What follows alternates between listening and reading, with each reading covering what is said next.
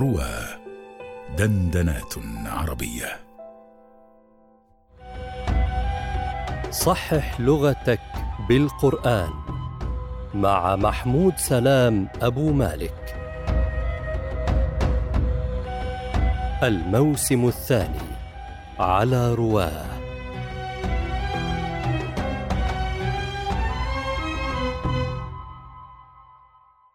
الحلقة الرابعة السلام عليكم ورحمة الله وبركاته.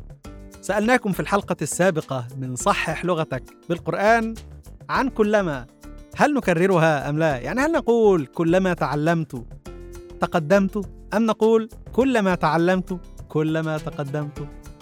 وأردنا أن تحصلوا على الإجابة من خلال القرآن الكريم. فما شاء الله منكم من ذكر لنا آيات عدة تجيبنا عن هذه المسألة وتحل لنا هذا الإشكال.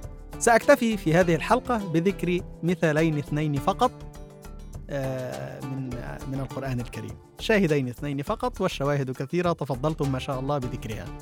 الآية كلما أضاء لهم مشوا فيه. لم يقل كلما أضاء كلما مشوا. صحيح؟ لم يكرر كلما.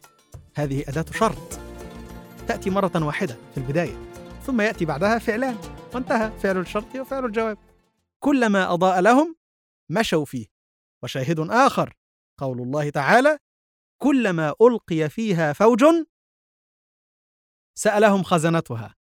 ولم يقل كلما ألقي فيها فوج كلما سألهم خزنتها. هذا خطأ شائع جدا على ألسنتنا نحن آه المعاصرين. آه وقد عبرت عن هذا عن هذا الخطأ في بيتين من ألفيتي قلت فيهما؟ قل كلما تعلم تقدم ولا تكرر في الجواب كلما فإنها تفيد الاستمرار بنفسها لا تطلب التكرار. احفظوا هذا جيدا ولا تكرروا كلما قبل جواب الشرط.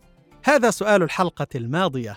أسألكم سؤالا جديدا لتحصلوا على إجا... على إجابته من القرآن الكريم وتأتون به في التعليقات لنبينه إن شاء الله في الحلقة الجديدة.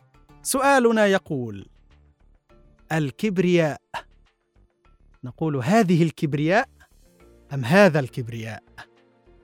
يبدو سهلا يبدو صعبا أترك لكم الإجابة. أين ستحصلون من أين ستحصلون على الإجابة؟ من القرآن الكريم. فبرنامجنا صحح لغتك بالقرآن. بارك الله فيكم وأحسن إليكم. ومحبتي لكم محمود سلام أبو مالك.